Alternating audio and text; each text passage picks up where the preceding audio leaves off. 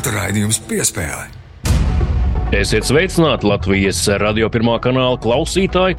Kā jau katru svētdienu jūsu ausīs un radio uztvērējos sporta raidījums piespēle un pie mikrofoniem es Mārtiņš Kļavnieks un mans kolēģis Māris Bergs. Sveiks, Māri! Sveiks, Mārtiņ! Sveicināti klausītāji! Esam sasnieguši 2023. gada pēdējo mēnesi. Aizvadītā nedēļa ir bijusi notikumiem tik tiešām pārbagāta. Un arī šajā reizē, protams, kā ierasts, piespēlē interesanti un arī aktuāli temati. Jā, bet galvenais un lielais sporta karalis futbols. Par to runāsim šajā nedēļā. Un mums arī raidījumā lielā diskusija ar trim kompetentiem futbola cilvēkiem. Gan par virslīgas izskaņu, gan arī, protams, par Latvijas futbola izlases neveiksmīgo gadu, desmit spēles, deviņi zaudējumi. Par to visu jau raidījuma turpinājumā, bet pirms tam, protams, krāšņs un piesātināts iknedēļas spilgtāko notikumu tops. Un pirmā vieta Latvija paliek bez Olimpisko spēļu sapņa. Olimpiskās spēles bija iespēja rīkot arī Latvijā. Vismaz daļa Olimpisko spēļu sacensību tas notiktu tad, ja Zviedrijas un Latvijas apvienotā kandidatūra tiktu izvēlēta par labāko 2030. gada Ziemas Olimpisko spēļu rīkošanai, bet šeku reku šonadēļ Startautiskā Olimpisko komiteja paziņoja, ka Zviedrija un Latvija pat nav tikusi līdz tām detalizētām sarunām par iespējamo rīkošanu līdz tām tikuši ir francūži, Francijas Alpi. Nu, sapnis nesācies, ir jau izsapņots. Jā, nu, ja mēs tā tīri tehniski uz šo visu skatāmies, tad uh, sapnis pilnībā izsapņots gan vēl nav. Jo šī jaunā procedūra, kā Startautiskā olimpiskā komiteja izvēlas uh, rīkotāju valstis, ir sekojoša. Tiek izvirzīta viena valsts, ar kuru tātad tiek uzsāktas padziļinātas sarunas par niansēm un tā tālāk. Bet, kā mēs zinām, šādas sarunas mēdz arī noslēgties bez rezultāta. Abas puses nespēja vienoties, un tad attiecīgi ir jādomā kāds cits variants. Francija ir uzaicināta uz šīm fināla sarunām, bet, ja Soka un Francūži tomēr nespēs kaut kādā veidā nonākt pie kopsaucēja, tad jau iespējas parādās arī citu valstu kandidatūrām. Protams, tāda iespēja viņi varētu nevienoties par kaut ko, nu tur mēs katrs varam pats spriest, cik tā ir liela.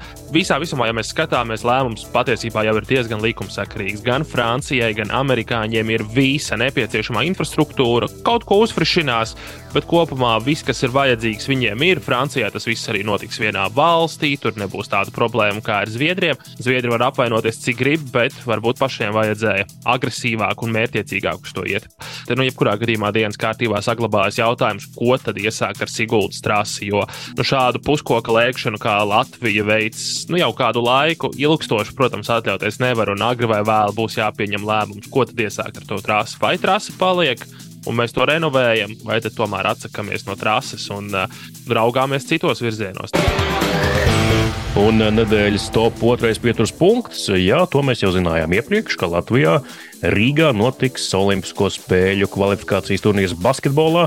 Viens eh, no četriem nākamgad, no 2. līdz 7. jūlijam, divas apakšgrupas pa trijām komandām katrā. Tagad ir zināms arī pret kurām komandām tad eh, Latvijai gan tieši, gan netieši būs eh, jāspēlē, vai ar tām jāsacenšas apakšgrupā Grūzija un Filipīnas. Tās būs tātad tiešās konkurences. Un otrā grupā savukārt Brazīlija, Kamerūna un Melnkalne. Nu, visas bīstamas komandas, bet nevienu nevar nosaukt par tādu smaksoru, kas Nu, zinot Latvijas šī brīža statusu pasaules basketbolā un iespējamo izlases eh, potenciālo sastāvu, nu, ka varētu būt tādi reāli konkurenti, tik tiešām ļoti draudīgi, bet nu, jāuzmanās no visiem. No sportiskā viedokļa ļoti pateicīgi, absolūti grēks būtu par kaut ko sūdzēties. Protams, vienmēr jau var gribēt kaut ko labāku un tā tālāk, bet, nu, principā Latvija ir šī kvalifikācijas turnīra favorīti šeit Rīgā no visām šīm sešām komandām.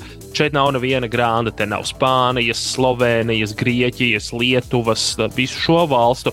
Visas ir uzvaramas, bet, kā jau minēja, arī basketbola eksperti uzsver, ka jebkura no tām var iekost, no tām ir jāuzmanās un nenovērtēt. Nu, to gan nevajadzētu iedomāties, ka Latvija pēc viena turnīra ir milzīgs grāns. Ne astoņi, nekur nu vēl desmit tūkstoši ārvalstu līdzekļu, kā bija norādīts pieteikumā par valsts naudas saņemšanu, noteikti nebūs šajā turnīrā stipri šaubos, ka no Melnkalnes, Grūzijas, Brazīlijas, Kamerūnas sabrauks ļoti, ļoti daudz līdzjutēju šo turnīru. Tiešām šaubos. Es jau arī redzēju sociālās saziņas vietnēs tādu ironizēšanu, ka tiem desmit tūkstošiem vienu nulīti galā ir jānosvītro un tik daudz atbrauks. Nu, proti, apmēram tūkstoši cilvēku. Tas gan izklausās samērā reāli.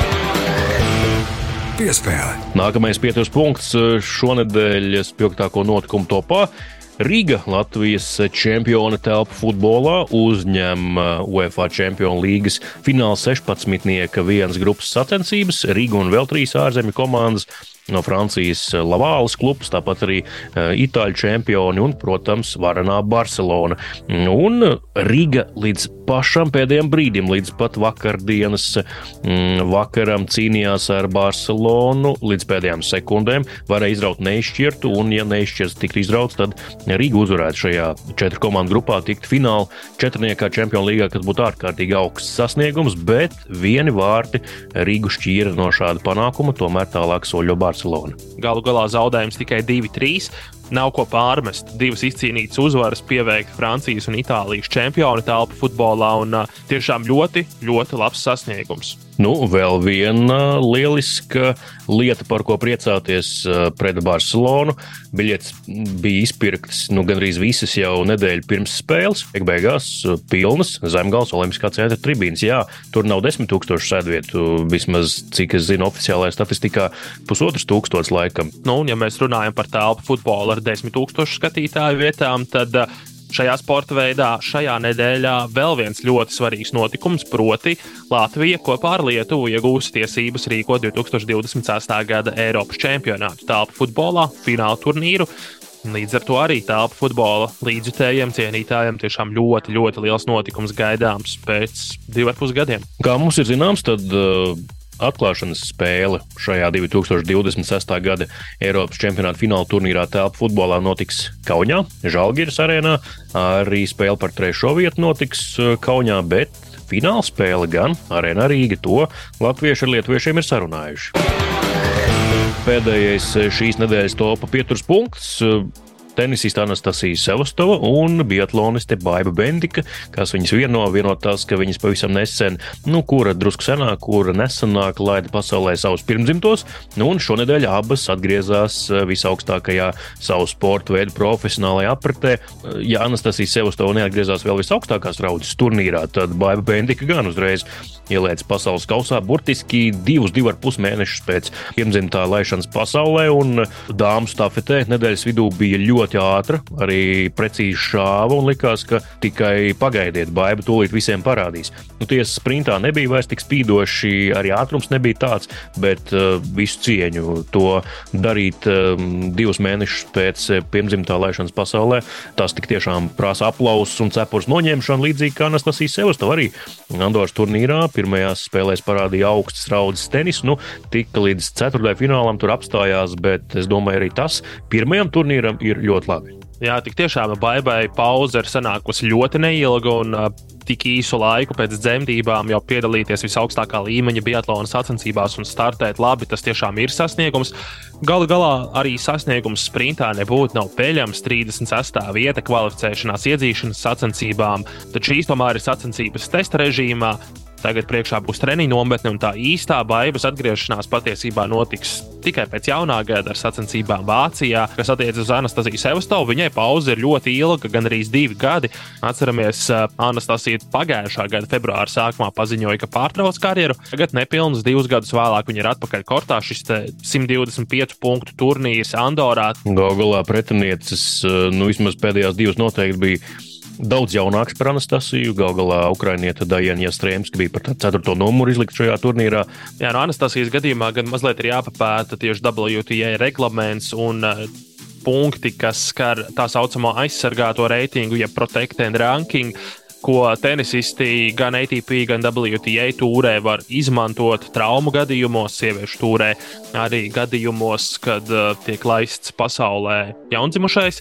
Tātad ir šis aizsargātais reitings, kurš tiek ņemts vērā, kad sportisti paziņo par pauzi savā karjerā. Tad, attiecīgi, ir kaut kāds noteikts turnīru skaits, kurā tu vari piedalīties, izmantojot šo aizsargāto reitingu, atgriezties ar tādu pašu rangu, kā tu pabeidzi. Kāds Anastasijai tad ir šis rangs un cik daudz viņi to var izmantot, vai viņi vispār to var izmantot? Bet uh, prieks par Anastasiju, prieks par baidu, un uh, mēs savukārt liekam punktu šīs nedēļas spilgtāko notikumu topam. Tagad gan pie futbola un lielās diskusijas. Jā jau tūliņ. Sporta raidījums piespēlē. Laiks apspriest pasaules sporta karalu futbolu. Ir noslēgusies Latvijas futbola virslīgas sezona, un šajā gadā triumfēja RFS komanda. Pie mums ciemos ir RFS vadītājs Mārcis Vepkauskis. Mārcis, sveiks! Sveiki! Sveiki. Tāpat arī Latvijas Futbola Federācijas prezidents Vadims Ļāšenko. Sveiks, Vadim! Labdien! Un viens no labākajiem Latvijas futbola žurnālistiem, daudzkārt par labāko atzīts arī no federācijas puses, Edmunds Novickis pārstāv sporta centra komēdiju. Sveiks, Edmunds! Sveicināt! Jā, nu sāksim tad rindas kārtībā. Mums te jūs neredzat, bet mēs redzam, esam sasēduši ap tādu diezgan plašu un garu galdu, un galda galā mums sēž čempionu pārstāvs virslīgā. Nu, ļoti dramatiskā sezonas izskaņā šo sezonu triumfēja RFS komanda. Māri joprojām tādas čempionu sajūtas smaids uz lūpām? Nu, jā, protams, tā apziņa vai, vai tas prieks tik ātri neaiziet.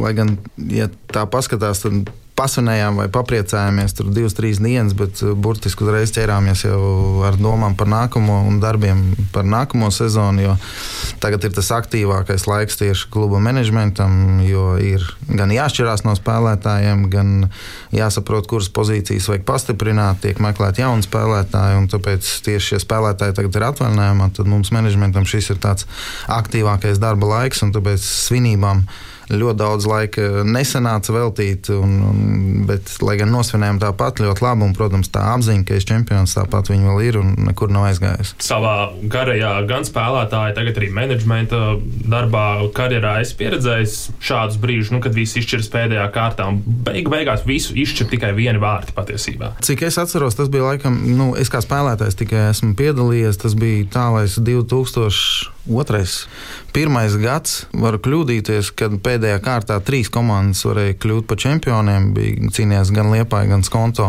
gan Vēnspils, un arī vispēdējā kārtā izšķīrās un Skonto veiksmīgi uzvarēja Liepā izbraukumā, un Vēnspils zaudēja Daugopilī pēdējo spēli, un mēs jā, uzvarējām pēdējā kārtā. Protams, ļoti, kā jūs teicāt, dramatiska un ļoti interesants čempionāts sanāca. Un, protams, ka ļoti patīkami tādā tieši dramatiskā veidā uzvarēt to čempionu titulu. Viņš vēl svarīgāks liekas, vēl patīkamāk viņu iegūt. Vadim, ko tas dod Latvijas futbolam?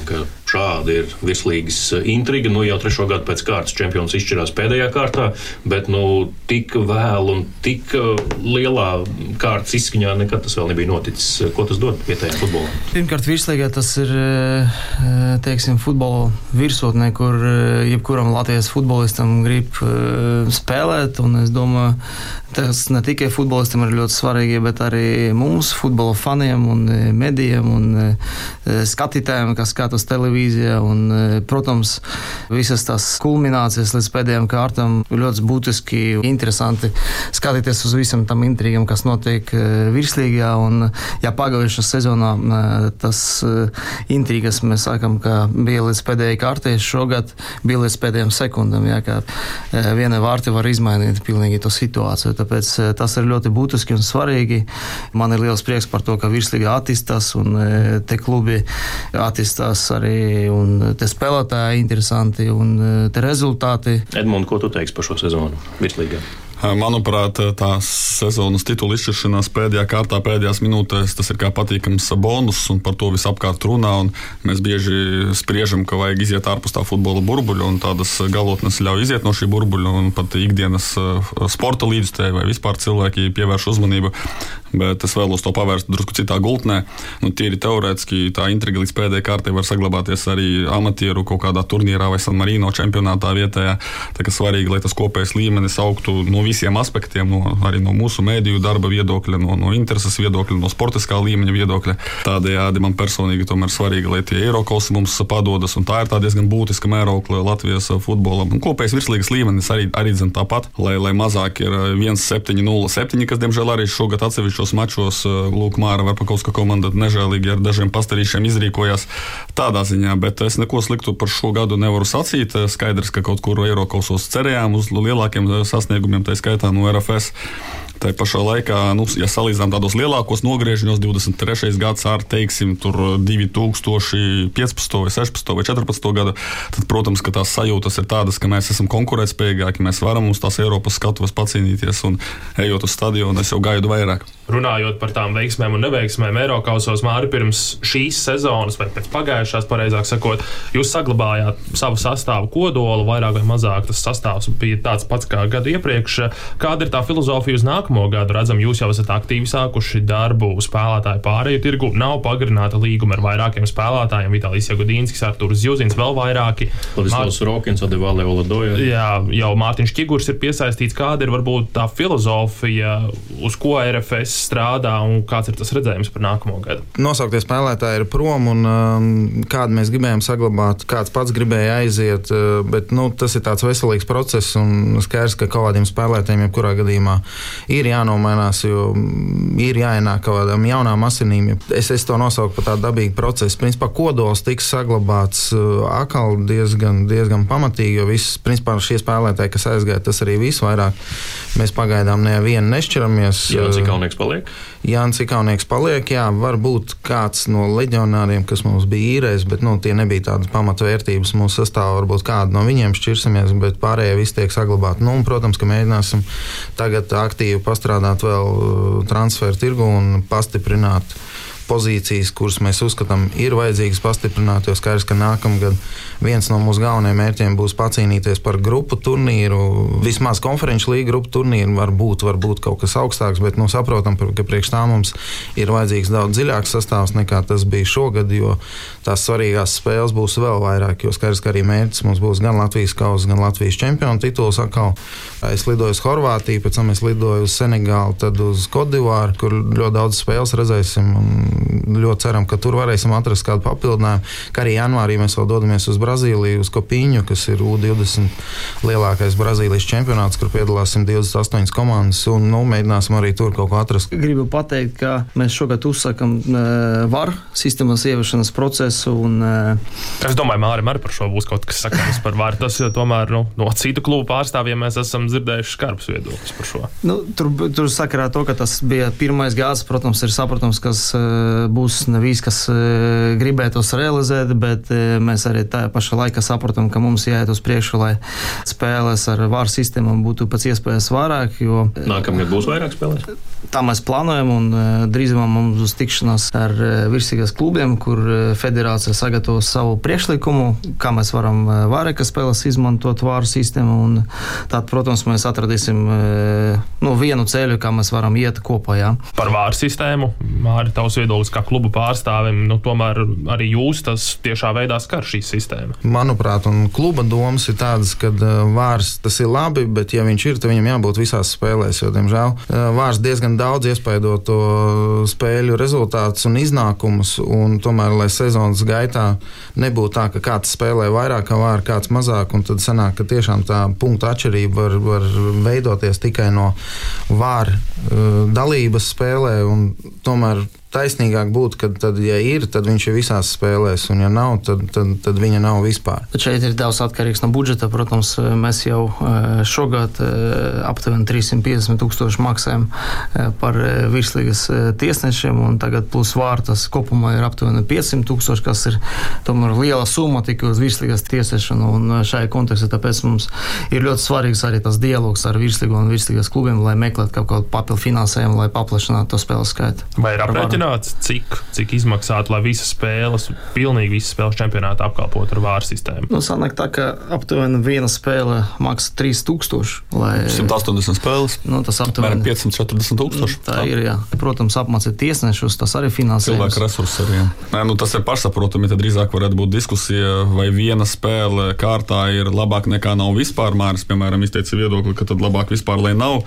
Es šeit gan oponēšu, man liekas, ka ar katru var kaut vai tās ir dažas dažas spēles sezonā ir labāk nekā nav vispār. Jo jebkurā gadījumā grozi kā gribi ar varu kļūdu ir mazāk. Ja nav varu vispār, var sanākt kaut kāda ārkārtīga rupja kļūda, acīm redzama kļūda, ko nu, nepaveicas tiesnesim, viņš sliktu pozīciju ir ieņēmis un, un rupja kļūda izšķir kaut kādu titula likteni un tam līdzīgi. Tomēr var izlabo vismaz tās acīm redzamās kļūdas. Noslēdzam par virslīgu nu, un ķeramies klāt Latvijas izlasēji. Edmunds, es zinu, ka tev ir daudz ko teikt. Arī Polijā bija klāt, un tur tās atskaņas arī mm, ir dažādas norādes pēc Dāņa pirmsspēles preses konferences, kāda jums bija tā savstarpējā komunikācija. Nu, tavs varbūt tāds īsais sākuma verdikts par izlases aizdīto gadu, Dāņa vispār šo būšanu pie izlases stūres. Jā, atgādina klausītājiem, ka viena uzvara desmit spēlēs šogad. Jā, un ja paņemam klāt pagājušā gada rudeni. Es atļaušos, Vadims nepiekritīs, atļaušos to Baltijas kausu traģiskos laikapstākļos, tās divas spēles likt iekavās un neieskaitīt. Tad varētu likt klāt tomēr tās uh, Nāciju līgas rudens spēles, kas bija pret Moldovu Rīgā un pret Andoru izbraukumā. Arī zaudējums pret Moldovu un uh, neizšķirts Andorā. Daudz noteikti piemirsuši tādējādi, jo tā, tā, virkne veidojas vēl nepatīkamāka. Par Varšavu to incidentu uh, uzskatu, ka nebija laba rīcība no trenera, bet dziļāk neiesim, jo tā ir vairāk tāda maza sadzīviska, varbūt pat es atļaušos atļaušos nosaukt ķilde, kas, kas, kurai nav nekāda sakara ar varbūt to kopējo lietu. Tu piekritīs, ka Dāņa tā pēdējā laika publiskā komunikācija ir tāda. Tas ir viens no punktiem. Tas ir viens no punktiem. Atkal es uz, uzsveršu, ka varbūt tas nav pats pats svarīgākais. Es labprāt redzētu Pīlsas stūres arogantu treneri, kurš uzvar spēles, kurš pasaka Edmunds Novics, ka es ar tevi nerunāšu, tur Ilvarkus Cinkevičs, tev ir viens jautājums, nevis četri, un ierobežojumi, komunikācija, vēl kaut ko, bet mēs uzvaram visas spēles. Tas tagad tā līdz absurdam piemēram, bet būtu ok, es būtu priecīgs ja Latvijas izlase gūst panākumus. Par to komunikāciju skaidrs, ka izlases eh, trenerim tā arī ir diezgan būtiska darba sastāvdaļa. Man ārkārtīgi nepatīk salīdzinājumi ar citiem sporta veidiem daudzu iemeslu dēļ, jo tās ir nesalīdzināmas lietas, bet pat noliekot malā tur konkurences jautājums vai rezultātu jautājums, protams, ka tādam vidējam sporta līdzstrādājumam droši vien patīk, kā komunicē eh, tur, piemēram, basketbola izlases galvenais treneris. Jā. Manuprāt, arī mani aroda biedri nav pārspīlējuši ar kaut kādiem uzbraucošiem vai negatīviem jautājumiem vai par to pašu atkāpšanos. Tie ir varbūt nu, cik, nu, divi, trīs, četri jautājumi gada laikā. Un, ja cilvēki saka, ka viņiem ir apriebušies tāda tipa jautājumi, un ka tie nepārtraukti tiek uzdoti, kaut gan paskatāmies izlases kalendāru, cik bieži izlases sapulcēs un cik bieži šādi jautājumi izskanējuši, Man tas šķiet absolūti nevietā. Ļoti spilgti atceros uh, Slavišu Stojanoviču preses konferences Dagos stadionā pēc, nu pēc tā 0-3 vai 0-5, nu vienas no tām spēlēm, un viņš teica, man šķiet kaut ko tādu, viņš teica, lai ko jūs man šeit jautājat, tas ir tik maigi, tik ieturēti. Es būtu jebkurā citā futbola valstī, man mašīnai būtu stīklis, es nevarētu iziet ārā bez apsardzes, man būtu jāslēpjas, ejot uz veikalu. Te vispār nekāda problēma šeit strādājot. Māri, ko tu teici? Nu, es piekritīšu, jā, nu, es domāju, ja tu uzņemies tādu amatu kā Latvijas izlases galvenais treneris, tad skaidrs, ka tev būs diezgan liela uzmanība un skaidrs, ka no tevis prasīs rezultātu. Tev ir jābūt gatavam kritikai, kad rezultātu nebūs. Skaidrs, ka rezultāti mums nebija labi. Es teiktu, ka slikti bija rezultāti. Tas ir skaidrs visiem. Statistika to rāda. Ja desmit spēles, deviņi zaudējumi šogad. To kritiku viņš izsauc tikai vēl vairāk. Labi uz sevi, bet viņš arī tieši uz izlases pusi izsauc viņu vēl vairāk, kas arī, es domāju, kaut kādā brīdī varbūt varbūt patraucēja gan džekiem uz laukumu, un, un, un varbūt kaut kādās spēlēs mēs dažus punktus nepaņēmām tikai dēļ tā. Tas jau rada negatīvu auru. Protams, Komanda, protams tas rada negatīvu auru, un tas tikai viss pasliktina. Un, un Edmunds vēl pieminēja arī par tām nāciju līgas spēlēm pagājušajā gadā. Es domāju, vēl ko daudz ir piemirsuši, kad uh, uzvarot Andoru izbraukumā un Moldovā mājās, kas noteikti mums bija pa spēkam. Šogad mēs redzētu sevi playoffs uh, par Eiropas čempionātu fināla turnīru, kur piedalīsies Igaunija, nevis mēs. Es domāju, ka to faktu arī ļoti daudz tagad ir piemirsuši un nepiemin. Galu galā nu, ažiotāža ap Latvijas futbolu. Jā, ažiotāža, nu mēs atkal varētu runāt par to, ka mums ir iespēja tikt uz fināla turnīru, mums ir iespēja tikt uz Eiropas čempionātu. Un... Jā, šo es atceros spilgti no 2020. gada nogales no preses konferences, kad Dainis stājās amatā. Tik skaidri un gaiši pateikts, 24. gada Eiropas čempionāta kvalifikācija, tas ir kvalifikācijas cikls, kurā mēs ejam uz rezultātu. Bet vadim kā no federācijas puses? Es teikšu tā, ka katram treneru štabam ir tiesības veidot savas vadlīnijas, jā, un jā, es ļoti sapratu neapmierinātību no sabiedrības puses un no medijas puses, bet man ļoti patīk tas moments, ko mēs redzējām, ka ļoti daudz cilvēki medija sāk runāt par futbolu, kas, protams, ir pateikami, jā, varbūt. Par futbolu arī tad ir totalizators. Jā, varbūt, varbūt šai kontekstā ne par tik pozitīvām lietām, bet patiešām cilvēki cilvēki ir, grib redzēt pārmaiņas, idejas, rezultātu un tā tālāk. Un tas, eh, protams, ir labi, ka mēs varam diskutēt un meklēt risinājumu šajā visā kontekstā. Bet ir kāds arguments vai iemesls, kāpēc Dainam būtu jāpaliek amatā? Nu, tu kā futbola cilvēks Redzi tādu vispār? Nu, es uh, sapratu to virzienu, uz kuru mēs iesim, bet es šobrīd atturēšos no komentāriem. Nu, bet, mums ja tagad, lietas, pastāst, mums tagad 7. datumā būs valdesēde, kur mēs redzēsim analīzi un atskaites, jā, un tad mēs attiecīgi pēc tam nokomentēsim par tiem visam lietām. Bet redzot to visu termiņu, kurš, kur bija Dainis, protams, arī bija labas moments un labas spēles. Un, ja Turcija un pret Armēniju mums būtu tomēr punkti, tad tas rezultāts rezultāts varētu būt cits. Bet, nu, diemžēl, rezumējot eh, to visu, šobrīd eh, tas rezultāts nav apmierinošs, un tāpēc eh, ir saprotams, ka mums kaut kas ir jādara ja tā monēta šajos gadījumos kristu uz otru pusi, Edmunds, tad Dainis būtu labais? Redziet, es tieši vēlējos pakomentēt. Nē, īstenībā tas ir normāli, ka Vadims aizstāv futbola izlasi, un kamēr treneris ir amatā, aizstāv arī treneri. Un galu galā mēs šeit studijā, cik saprotu, tā kā esam ar Māri divi pret nabaga vienu Vadimu. Tad, lai... Šeit mēs neesam, mēs neesam pret, mēs neesam partneri. Nu, mūsu viedokļi, mūsu viedokļi atšķiras, teiksim tā, varam pagriezt to tādā veidā, bet eh, viedokļi tādi, ka mēs ar Māri droši vien neesam apmierināti ar to, kas notiek, ka Vadims kaut kur aizstāv. Bet ne, eh, tas ir. Nē, es arī neesmu apmierināts, bet es stāstu par to, par tiem spēlēm, kas bija labas. Jā, jā, tu stāst par spēlēm, kurām labi, bet es skaitā tu piemini mačus, kuros varēja notikt citādi, bet es šeit vēlos iestrpināt, ka mēs runājam tomēr par veselu atlases ciklu, vai pat jau var, varam runāt par visiem četriem gadiem, ja runājam par Daini. Un, protams, ka ir spēles, kurās mums veiksmes pietrūka un varējām dabūt vairāk, bet tieši pretēji. Atkal daudzi piemirst uz tādas kaut kādas kopējās eiforijas fona. Es vēlos atgādināt, ka vienīgā šī gada uzvara pār Armēniju 2-0. Ļoti laba spēle, man patika. Raksturs, mazākumā guvām vārtus, viss forši, bet atkal sausi paskatāmies drusku pragmatiskāk uz šo maču, pēc XG, tātad vārtu gūšanas iespējas, reālās sitienu iespējas 2-2 šajā mačā būtu objektīvāks rezultāts. Bumbas kontrole armēņiem, cik skatījos, bija laikam 68, mums 32, un pie rezultāta 0 pret 0 armēņu futbolists no apmēram no 11 metru sitienu atzīmes tieši pret vārtiem aizsta gar pašu vārtu stabu. Tā kā arī es varētu pretī atcerēties, ka arī šī vienīgā uzvara tikpat labi varēja nebūt. Ja? Citādi mēs, ja ir uzvara, mēs, tas, tas ir pelnīti, un tad mēs meklējam tās zaudējumus, kur mēs varējām pavilkt vairāk. Tā kā vēlos šeit mazliet iebilst, ka kopumā jau tomēr jāskatās uz to kopējo rezultātu. Arī Vadims at, at, atzīst, ka tas rezultāts galu galā tomēr nav apmierinošs.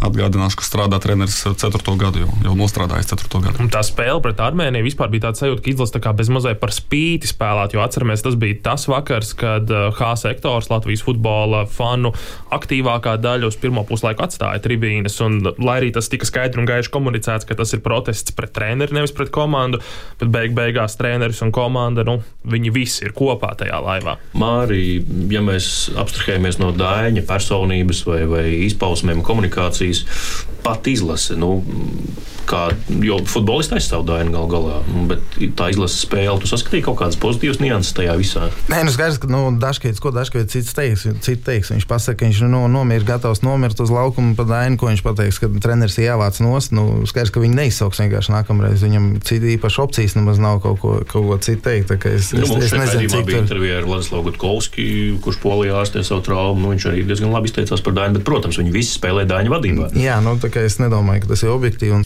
viens, ko mēs aprunājam, jā, tā ir tā komunikācija, bet tas tiešām, kā Edmunds teica, galvenais, lai ir rezultāts, un tad, lai viņš runā, kā viņš grib, un tas nav tas galvenais, uz kam jāpievērš uzmanība. Kas man pietrūka, varbūt redzēt izlases. Uh, sniegumā, tīpaši šogad, lai gan ne tikai šogad, tā bija tāda stabilitāte. Jo mēs varam nospēlēt labu spēli, tad nākamā spēle, tu vari gaidīt, ka mums būs slikta spēle un ka mēs neparādīsim to sniegumu. Es nezinu, ar ko ir tas saistīts, un te, te laikam tas Dainim ir jājautā, bet es domāju, tas tieši, ko mēs varam prasīt no trenera un trenera korpusa, lai izlase rādītu stabilu sniegumu. Un mēs redzam, ka kādas spilgtās spēles, tas nozīmē, ka spēlētāji var spēlēt labāk, ka spēlētāji var uh, arī spēlēt pret spēcīgāku pretinieku un rādīt labu sniegumu tāpat Turcija, ja mājās, kas mums tagad no pēdējā gada bija.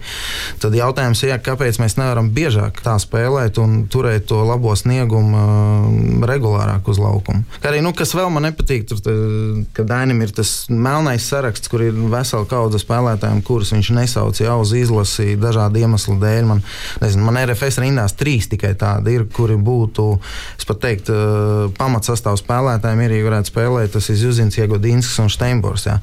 Un pēc tam mēs spēlējam, mēs zaudam mājās, nezinu, pret Velsu vai pret Horvātiju. Mums tur pirmā maiņa tiek veikta 83. vai 85. minūtē, jo treneris saka, ka mums nav spēlētāji, kurus varētu pastiprināt izlasi. Nu, tā jau tas ir vienmēr bijis, ka Latvijas izlasē nu, nav daudz spēlētāju, kuri būtu jebkad spēlējuši top klubos.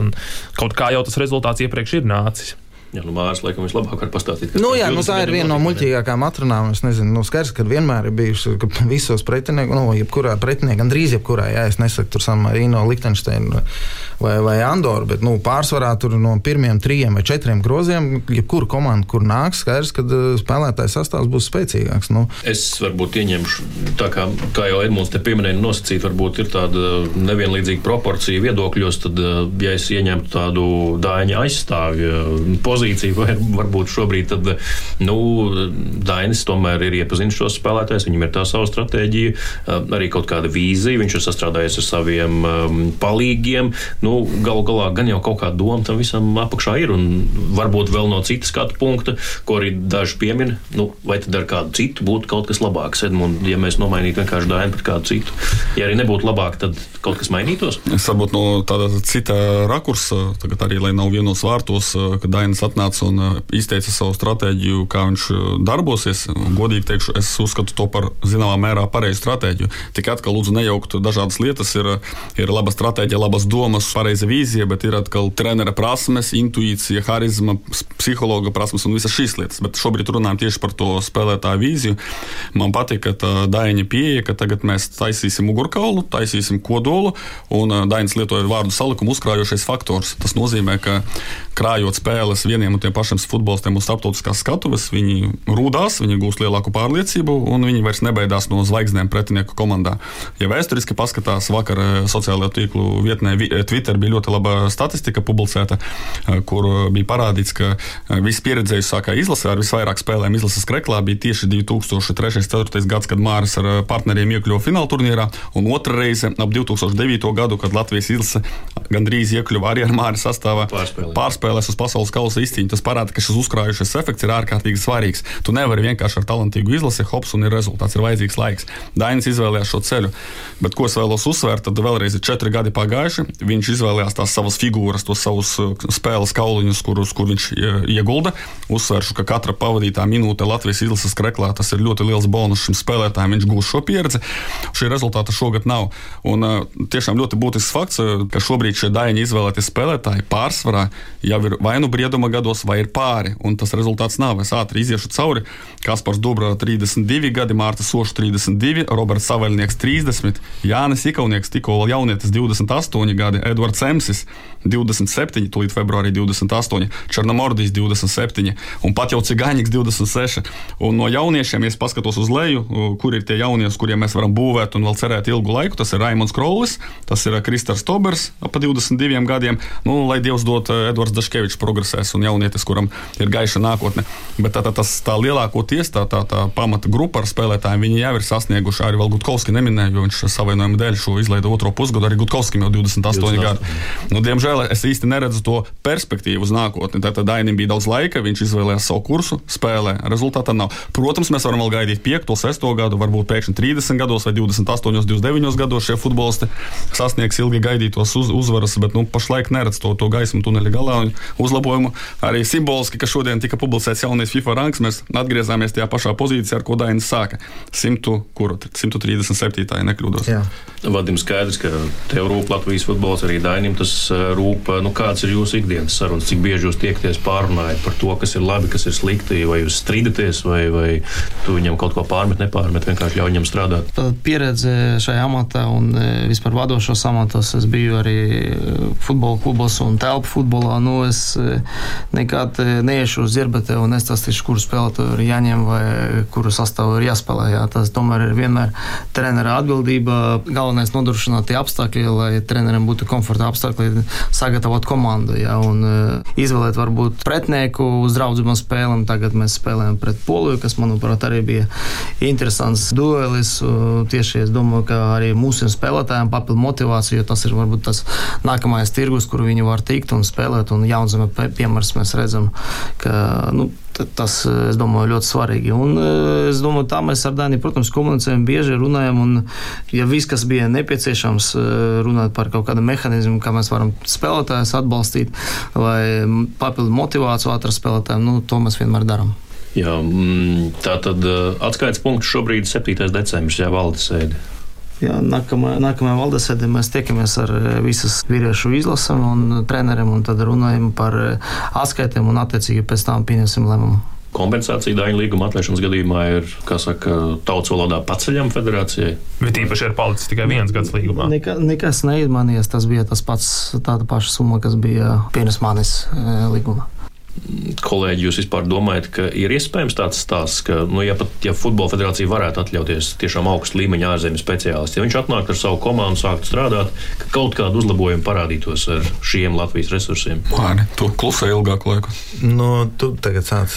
Es sākšu labi. Es vienu vakaru man kāds cilvēks pajautāja, nu, vai tad vispār ir tādi normālie treneri uz, uz, saka, uz brīvām kājām. Ir tāds portāls kā transfermarkt.com. Es atzīmēju brīvie treneri, sāku iet pa, pa uzvārdiem, bet tur bija tiešām desmitiem treneru, kurus es uzreiz uz sitienu nu, nevaru pat ne, neatpazīst un nezinu. Te pašā laikā paskatoties, kur viņš ir strādājis, kādā līmenī, vai tā būtu tur pieci gadi, tur pacēla no Itālijas C sērijas uz A sēriju vai kaut kas tamlīdzīgs, vai mums tuvajās, teiksim, Norvēģijā ar kaut kādu U21 izlasi pastrādājis trīs gadus, šobrīd ir bez darba. Nu, tādi varianti, tādu ir atliku likām. Protams, ka, lai gan, lai gan Māris teica, ka vismuļķīgākais atruna, ka mums tur nav spēlētāji, vēl kaut kas, ne, nu, tas tāpat tas ir faktors. Un atkal atsaucoties uz transferu marktu, mūsu tā tirgus vērtība izlasē ir ap 10 miljoniem eiro spēlētāju vērtība, kas nav tik konkurētspējīga, kā mēs vēlētos. Un, protams, ka atnākot citam trenerim, ļoti augsta varbūtība, ka plus mīnus paliksim eh, turpat. Es atvainojos to pārtraukšu, tur ir maz piebildu par tiem spēlētājiem. Redz, nu, kāpēc viņi arī nav? Tāpēc, tas viens no faktoriem, kāpēc izlasē nav rezultātu. Ja izlasē būtu rezultāti, tad arī vairāk spēlētāji būtu ārzemju klubos un viņi piesaistītu uzmanību. Jo galvenais kriterijs spēlētājiem, ja viņš brauc no Latvijas un viņam ir Latvijas pasta, viņi skatās Latvijas izlases rezultātus. Un, ja mums ir 9 zaudējumi no 10 spēlēm, nu, tad nu, neviens top čempionāts neņem spēlētāju. Ja viņš teiks, nu, tas tāpat kā es teicu, nu, man ņemt no San Marino izlases. Nu, es teikšu, nu, ko tas San Marino izlases, ko viņi var uzvarēt. Un te ir tas faktors, tā, ka viņš spēlē uz abām pusēm skaidrs, ka, ja mums būtu spēcīgāki spēlētāji arī un labākos klubos spēlēt izlases, mēs varam gaidīt vairāk. No otras puses, ja izlasē nav tie rezultāti, viņi arī nekur neaizbrauks. Tagad ir medaļa. Nu, Šis ir ļoti labs arguments, un es tam arī lielā mērā piekrītu. Galu galā mēs sākām šo sarunu par virslīgu, par mūsu klubu konkurētspēju Eiropasos. Jā, daudz nosaka leģionāri, bet mēs nevaram pateikt, ka Černomordijs nav viens no Riga līderiem vai, vai RFS komandā, ka nebūtu īstu līderu, kuri būtu latvieši. Ir šie uzvārdi, Jānis Ikaunieks uztaisīja galu galā sezonas čempionu titulu. Jā, Latvijas tā kā ir šie spēlētāji, kur Eiropasos arī cīnās, un RFS cīnījās grupu turnīrā pret Fiorentinu un atsevišķā spēlē parādīja, ka var nospēlēt neizšķirt. Tā kā šai ziņā piekrītu, esmu arī dzirdējis no eh, vadošo klubu sporta direktoriem, ka nu, Latvijas izlases eh, rezultāti nekādā veidā nepalīdz darboties eh, transferu tirgu. Tas pat citreiz saka, ja tev ir izlases pieraksts, tad tev ir reālāk pārdot. Bet nu, mūsu gadījumā pat bieži vien, ka negrib sasaistīt to futbolistu, saka, labāk skatieties, kā viņš spēlē klubā un par izlasi labāk nerunāsim. Tā kā jā, tas šis arguments ir patiesas no māra puses. Jūs sakāt, vai būs ar citu treneru labāk, bet nu, tas, manuprāt, arī nav arguments. Nu, tad ko? Tad Dainis Kazakēvičs ir izredzētais, viņš var strādāt mūžīgi, jo mēs sevi noliekam diezgan zemu tajā futbola kartē. Es papētīju starp 55 Eiropas izlasēm, jo šobrīd Dainis ir uzlīdis līdz 12. vietai pēc tā, cik viņš ilgi ir pie savas izlases stūras. Top 11 pozīcijās es izgāju cauri visiem šiem uzvārdiem. Ne tikai Pundurvalstis, arī normāls izlases Slovēņi otro reizi kopš 2000. gada iekļuva Eiropas čempionāta fināla turnīrā Lūdzu. Fēru salu izlases treneris, kurš strādājis ļoti veiksmīgi ar Zviedrijas U21 izlasi un ar Fēru salām strādā diezgan veiksmīgi. No Pundurvalstīm, ok, Andoras izlases treneris, kuri arī šajā ciklā divas spēles, starp citu, nezaudēja pret Kosovu un Baltkrieviju. Tad tur ir, protams, Digēda Šāns, pasaules čempions, tad tur ir Garats Southgates, Anglis izlase, kur var strīdēties labi vai slikti, bet nu, tie, tas ir cits mērogs. Un pārējās 43 izlases nav rezultāts maina, patīk vai nepatīk. Tās ir tas futbola biznesa. Tādi piemēri ir tādi. Šeit ir ļoti svarīgi atrast tādu, nu, ar kuru būs ķīmija, iedot viņam visu, visu iespējams, lai to rezultātu dabūtu. Bet tas nav tik vienkārši. Nu, skatīsimies, kāda būs Latvijas izlases nākotne. Kungi, es domāju, mēs varētu diskutēt nu, vēl vismaz stundas, 4-5, bet uh, laiks ir nepielūdzams. Paldies, kungi, par šo sarunu, un tad jau tiekamies kādu citu reizi. Paldies! Paldies. Paldies. Piespēle. Tāda lūk saruna par futbolu. Arī drusku tāda kaismīga nots parādījās šajā diskusijā. Mm, par to prieks. Tas nozīmē, ka futbols vismaz šiem cilvēkiem studijā esošiem noteikti rūp. Par to mēs arī nešaubījāmies pirms sarunas, bet uh, noteikti sekosim līdzi, kā Latvijas futbolam sekmēsies ar dažādu problēmu jautājumu atrisināšanu, ar pavadienu šķetināšanu. Bet šodien gan mēs līdz ar to no jums atvadāmies, sakām paldies, ka klausījāties. Gaidīsim, raudzīsim, kas notiks. Vēl tikai atgādinām, ka Raidījuma piespēle, kā ierasts, var klausīties arī ne tikai Latvijas radio ēterā, bet arī populārākajās raidierakstu ja podkāstu vietnēs. Paldies un uz sadzirdēšanos jau pēc nedēļas. Uz tikšanos! Sporta raidījums piespēle.